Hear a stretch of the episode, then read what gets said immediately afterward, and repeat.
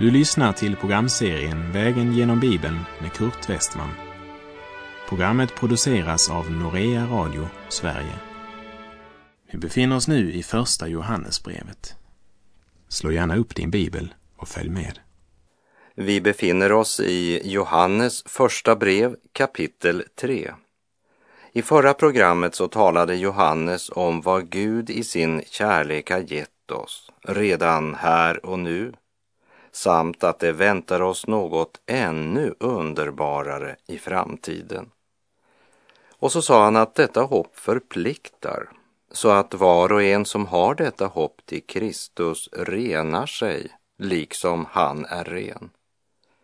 Vi läser Johannes första brev kapitel 3, vers 5. Och ni vet att han uppenbarades för att ta bort synderna och synd finns inte i honom. Det är endast Jesus som kan ta bort våra synder.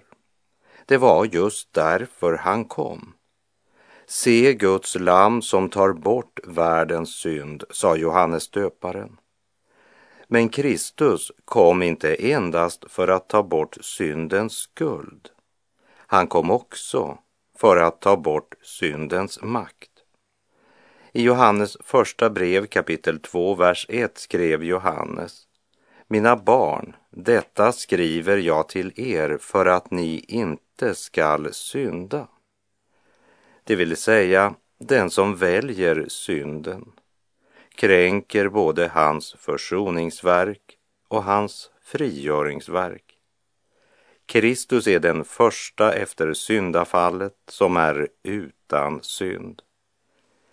Den som inte visste av synd, honom har Gud i vårt ställe gjort till synd för att vi i honom skulle stå rättfärdiga inför Gud, skriver Paulus i Andra Korinterbrevet 5.21.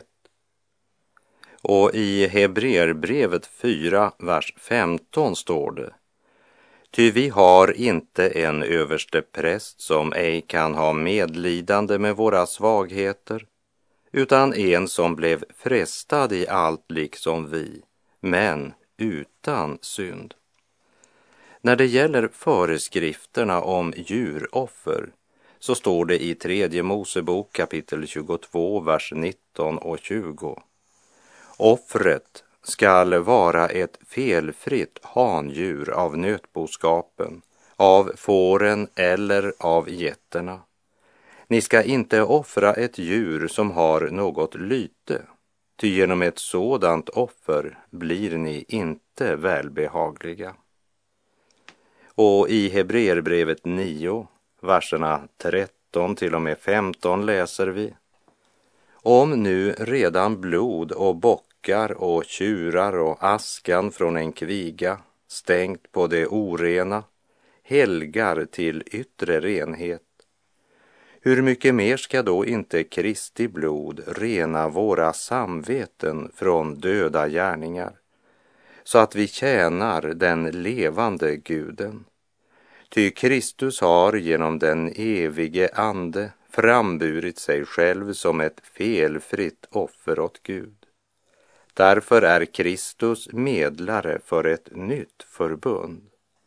För att de kallade skulle få det utlovade eviga arvet sedan han genom sin död hade friköpt oss från överträdelserna under det första förbundet.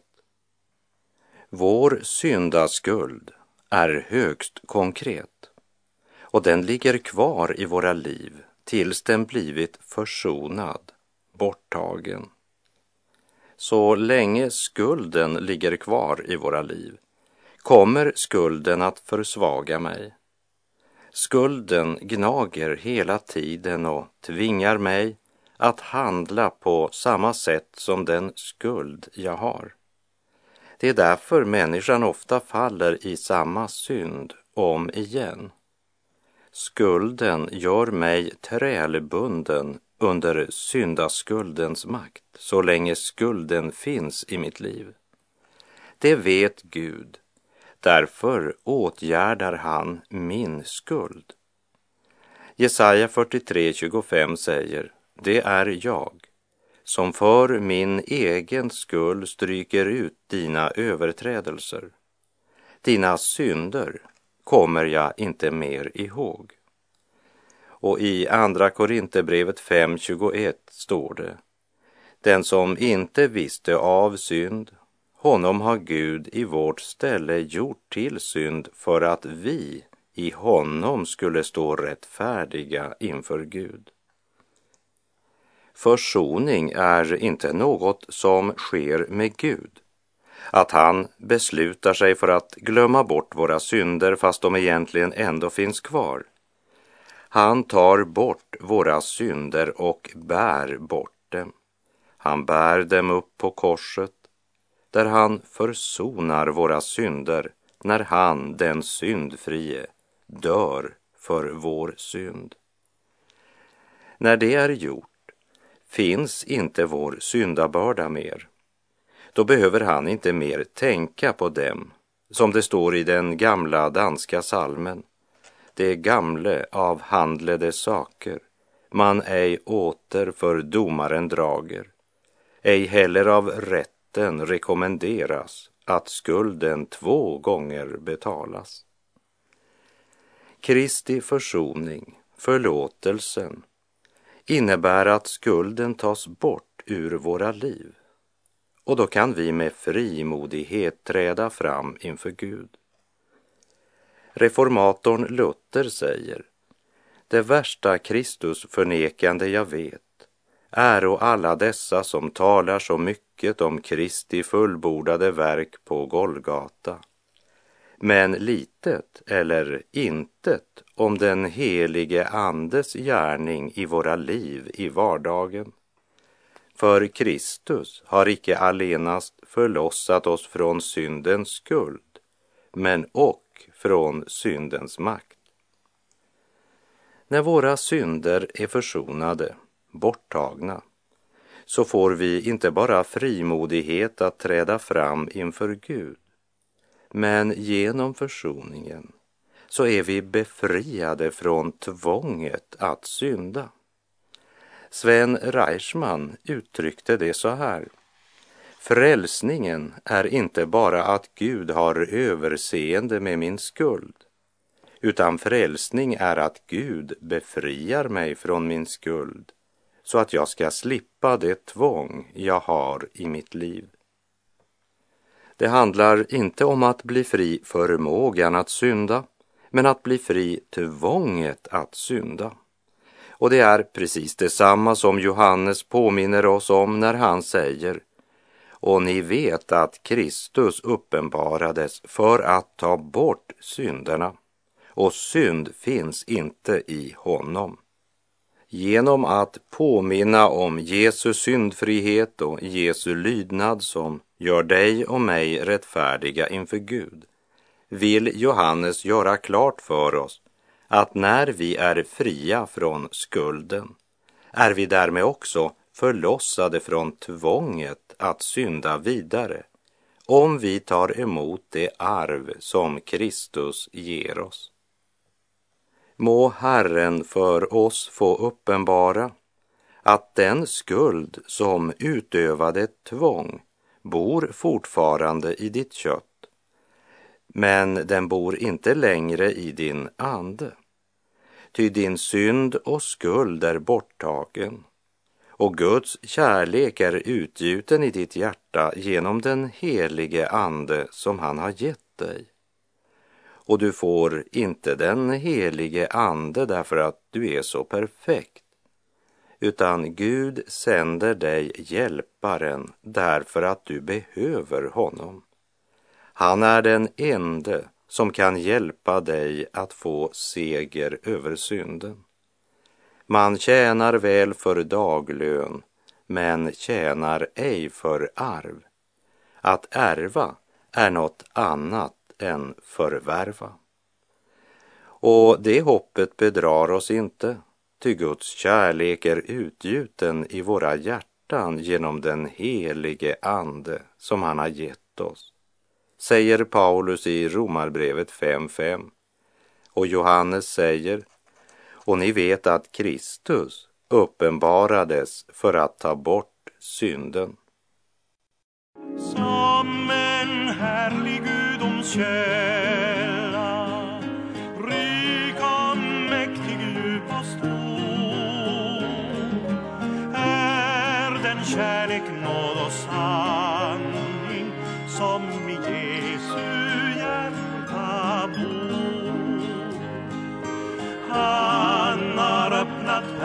porten så att jag kan komma in. Genom blodet har han frälst mig och bevarat mig som sin.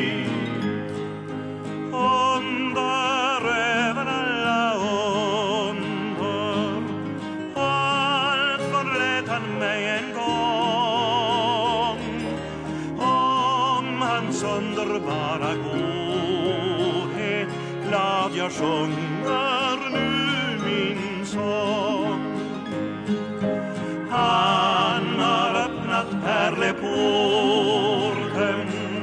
så att jag kan komma in. Genom blodet har han Och ni vet att han uppenbarades för att ta bort synderna och synd finns inte i honom, säger Johannes och fortsätter i vers 6. Den som förblir i honom syndar inte.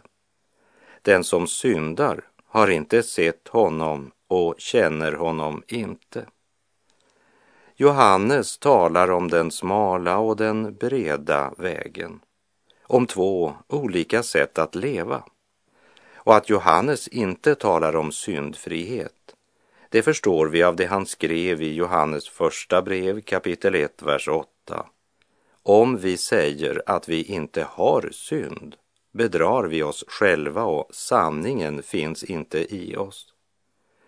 Men hur kan han då senare säga den som förblir i honom syndar inte? Att ha synd, det talar om den natur vi alla bär på efter syndafallet. Men i kapitel 3, vers 6 talar ordet syndar om något som är en vana, vårt dagliga sätt att leva, tänka och handla. Om synden har blivit något vi accepterar i våra liv så handlar det inte längre bara om en frestelse men om något som har makt över mig och som jag resignerat inför. Jag väntar mig inte längre någon frigörelse eller förvandling. Gud förlossar oss inte från syndens skuld bara för att vi sedan ska fortsätta att leva som förut.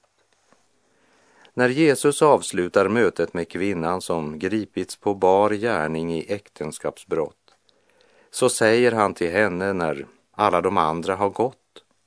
Kvinna, var är det? Har ingen dömt dig? Hon svarade, nej, Herre, ingen. Då sade Jesus, inte heller jag dömer dig. Gå och synda inte mer. Johannes 8, vers 10 och 11. Jesus kom inte endast för att ta bort vår synd och skuld.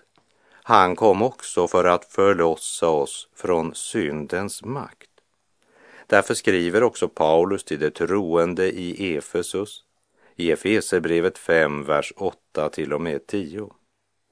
Ni var en gång mörker, men nu är ni ljus i Herren. Vandra då som ljusets barn. Ty ljusets frukt består i allt vad godhet, rättfärdighet och sanning heter. Och pröva vad som är Herren kärt. Eller som Johannes skrev i kapitel 2, vers 15 här i Johannes första brev. Älska inte världen, inte heller det som är i världen. Om någon älskar världen finns inte Faderns kärlek i honom. Det handlar om två vägar. eller eh, kanske vi skulle säga två världar, som är oförenliga. Det handlar om två livsmönster som står i direkt motsats till varandra. Om man bekänner sig tillhöra Jesus, men lever ett världsligt liv, då är man en lögnare, sa Johannes i kapitel 2, vers 4. Här i kapitel 3, vers 6 säger han att hemligheten till ett liv i seger är att förbli i Kristus. Eller som Paulus skrev i Filipperbrevet 4, verserna 6 och 7. Gör er inga bekymmer för något, utan låt Gud i allt få veta era önskningar genom åkallan och bön med tacksägelse. Då ska Guds frid, som övergår allt förstånd, bevara era hjärtan och era tankar i Kristus Jesus. Det är alltså ett sammanhang mellan våra böner och våra tankar. Ingenting kan bevara en människas hjärta och tankar som Guds frid. För den genomtränger vårt väsens djupaste grund. Våra tankar är ju ibland upptagna av fel saker. Därför ska vi låta Guds frid bevara våra tankar i Kristus Jesus. Gud kan bevara dina tankar om han bara får lov. Och om jag lever i en nära och levande gemenskap med Jesus så kan inte synden bli mitt liv och min längtans mål. För om synden är mig så dyrbar att jag inte vill överge den, då är jag inte ett Guds barn. Det är det som ligger i orden. Den som förblir i honom syndar inte. Den som syndar har inte sett honom och känner honom inte. Det ena utesluter det andra båda vägarna. Om vi älskar världen är Faderns kärlek inte i oss. Vi läser Johannes första brev kapitel 3, vers 7. Kära barn, låt ingen föra er vilse. Den som gör det rätta är rättfärdig liksom han är rättfärdig. Han säger inte att vi är frälsta på grund av att vi lever så rättfärdigt. Men vi lever rättfärdigt därför att vi är frälsta. Och lägg märke till orden kära barn. Det är alltså till det troende Johannes ger denna förmaning och inte till världen. Det är sant att du är frälst av nåd genom tron utan gärningar. Men när Kristus genom tron bor i ditt hjärta får det alltid en praktisk konsekvens i ditt liv. Du lyder hans bud och älskar trossyskonen och tillber Herren i gemenskap och tjänande. Och du måste ge upp synden. Kära vän, Herren vill förlossa dig från syndens makt. Han vill bryta träldomsbandens länkar och sätta fången fri. Han har makt att göra något nytt i ditt liv. Synden i våra liv leder alltid till destruktion. Och kom ihåg att det blir ingen seger i din situation förrän Herren får vinna seger i ditt inre. Han som vet var skon klämmer för din del. Lösningen är inte att sätta plåster på såret eller använda smärtstillande salva. Lösningen är operation.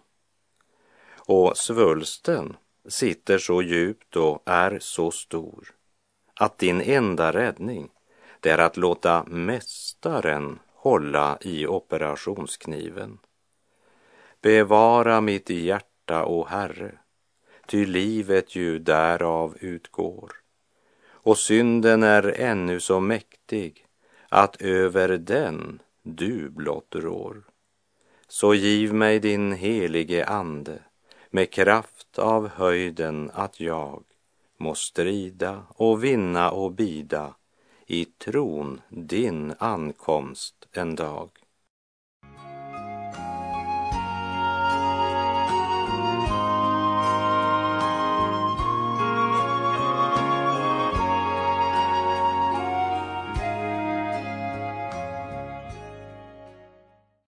Vi läser Johannes första brev, kapitel 3, vers 8. Den som gör synd är av djävulen, ty djävulen har syndat ända från begynnelsen. Och Guds son uppenbarades för att han skulle göra slut på djävulens gärningar. Djävulen är källan och drivkraften bakom all synd. Han är den som är ansvarig för att synden kom i världen. Han är den som lockar lockade de första människorna till synd. Djävulen, han är inspirationskällan för vår gamla syndanatur. Den som gör synd är av djävulen, skriver Johannes. När vi medvetet väljer synden eller gör synd som Johannes uttrycker det, så är det frukten av en demonisk gemenskap. Ett träd känner man igen på frukten, säger Jesus i Lukas 6.44. Johannes säger precis detsamma med lite andra ord. Den som gör synd är av djävulen. Här går mina tankar till det Jesus säger, inte bara till de skriftlärda och fariseerna, men till de judar som hade satt tro till Jesus som den utlovade Messias. För det avsnittet i Johannes 8, verserna 31 till och med 59, det börjar med orden Jesus sade till de judar som hade satt tro till honom. Om ni förblir i mitt ord är ni verkligen mina lärjungar och ni skall förstå sanningen och sanningen ska göra er fria. Och så säger han i Johannes 8, verserna 44 och 45. Ni har djävulen till er fader och vad er fader har begärt till det vill ni göra. Han har varit en mördare från början och har aldrig stått på sanningens sida eftersom sanning inte finns i honom. När han talar lögn talar han av sitt eget, ty han är en lögnare, ja, lögnens fader. Men mig tror ni inte, därför att jag säger er sanningen. För djävulen så är synden inte något onormalt. Han försöker inte undvika att synda. Han tänker inte be om förlåtelse för sitt brott mot Gud. Och så har det varit från begynnelsen. Det säger något om syndens väsen. Och det säger oss att antingen är det Gud som sitter på vårt hjärtas tron och är vår far eller också är det lögnens far som är vår far. Och vårt liv och vår karaktär kommer att formas efter vilken far vi har. Är det djävulens hållning till synden som råder i mitt hjärta, så är också djävulen min far. Och då vill jag naturligtvis göra det som min far har begärt till. Jag är syndens slav. Och här hjälper det inte ens om vi kommer in i ett heligt miljö. Det kan aldrig förvandla oss till helgade människor. Förvandlingen kommer inte utifrån, även om vi naturligtvis påverkas av vilka vi umgås med. Men förvandlingen måste ske inifrån. Och då måste vi vara redo att ligga på drejskivan för att formas av mästarehanden. Frank Mangs brukade säga, det största är inte vad du kan göra för Gud, utan vad han får göra med dig. Det handlar inte bara om att bryta några yttre mönster och bestämma sig för att försöka göra det Gud befallt. För allt det kan ske samtidigt som vi fortfarande har världens ande i vårt hjärta. Vi måste bli vidrörda av Gud. Vi måste få del i en ande som är en annan ande än den som behärskar denna världen. Och när vi får del i denna ande kommer det också att visa sig i vår yttre livsförsel. Och Jesus han uttrycker det så här i Matteus 5, vers 14. Ni är världens ljus. Inte kan en stad döljas som ligger på ett berg. Johannes säger det så klart och tydligt som det kan sägas. Den som gör synd är av djävulen. Ty djävulen har syndat ända från begynnelsen och Guds son uppenbarades för att han skulle göra slut på djävulens gärningar. Därför borde man alltid proklamera försakelsen när man proklamerar och bekänner sin tro. För eh, trosbekännelsen är ju inte något man läser. Det är något vi bekänner, något vi proklamerar. Jag försakar idag djävulen och alla hans gärningar och allt hans väsen. Jag tror på Gud Fader allsmäktig, himmelens och jordens skapare. Jag tror på Jesus Kristus, Guds enfödde son, vår Herre. Men det får inte stanna vid att vi i gudstjänsten läser upp trosbekännelsen. Om vi inte har vilja och mod att låta den helige Ande föra oss till en bibelsk självrannsakan. För Guds son uppenbarades för att han skulle göra slut på djävulens gärningar. Det säger Guds ord. Seger giv du segerrike, konung till din kamp oss vig. Ingen man i provet svike när du för ditt rikes krig. Lys och led vår trängda skara, hör till dig i bön vi fly. Låt oss snart ur natt och fara se din frihets morgongry. Bryt, o Herre, bräck och krossa mörkrets hela våld och makt. Dödens bojor du kan lossa som har liv till seger bragt. Res oss upp ur stoftet, gör oss lika dig i håg och sinn och som nya människor för oss i ditt frihetsrike in. Guds son uppenbarades för att han skulle göra slut på djävulens gärningar.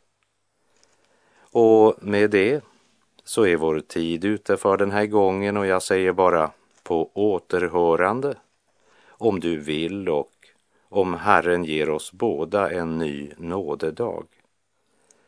Herren vare med dig. Må hans välsignelse vila över dig så att det blir en verklighet också i ditt liv att han gör slut på djävulens gärningar. Gud är god.